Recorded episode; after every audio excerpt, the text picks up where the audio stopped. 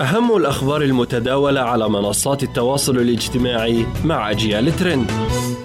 أهلا وسهلا بكم مستمعي ومستمعات أجيال. هذا أجيال ترند معكم حنان محبوبة. حرق المصحف في السويد غضبة مليارية وحملة لمقاطعة المنتجات السويدية تتصدر مواقع التواصل الاجتماعي. لا تزال ردود الفعل المستنكرة والغاضبة تتوالى إزاء حرق نسخ من المصحف في السويد لا سيما عبر مواقع التواصل الاجتماعي.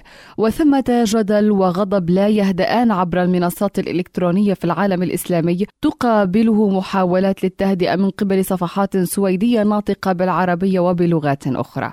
فقد تعالت دعوات للمقاطعة لمنتجات سويدية عبر وسوم عديدة أبرزها غضبة مليارية على حرق المصحف. ومقاطعة المنتجات المنتجات السويدية وطرد السفير السويدي.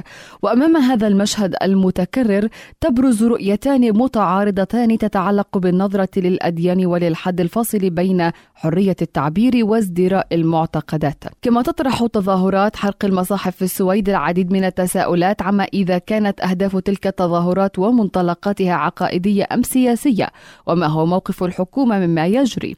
يقول متفاعلون مع وسم حرق القرآن في السويد إن ذلك ذلك التصرف تجاوز الخطوط الحمراء وتخطى حدود حرية التعبير. ووصف الداعية الإسلامي عائد القرن السماح بإحراق نسخة من المصحف بأنه عمل دنيء ومستفز. وأمام هذا المشهد المتكرر دعا معلقون إلى إطلاق حملة جمع توقيعات إلكترونية لمقاطعة الشركات السويدية أسوة بحملة مقاطعة البضائع الفرنسية التي أثرت بشكل كبير في الاقتصاد وفقا لقولهم.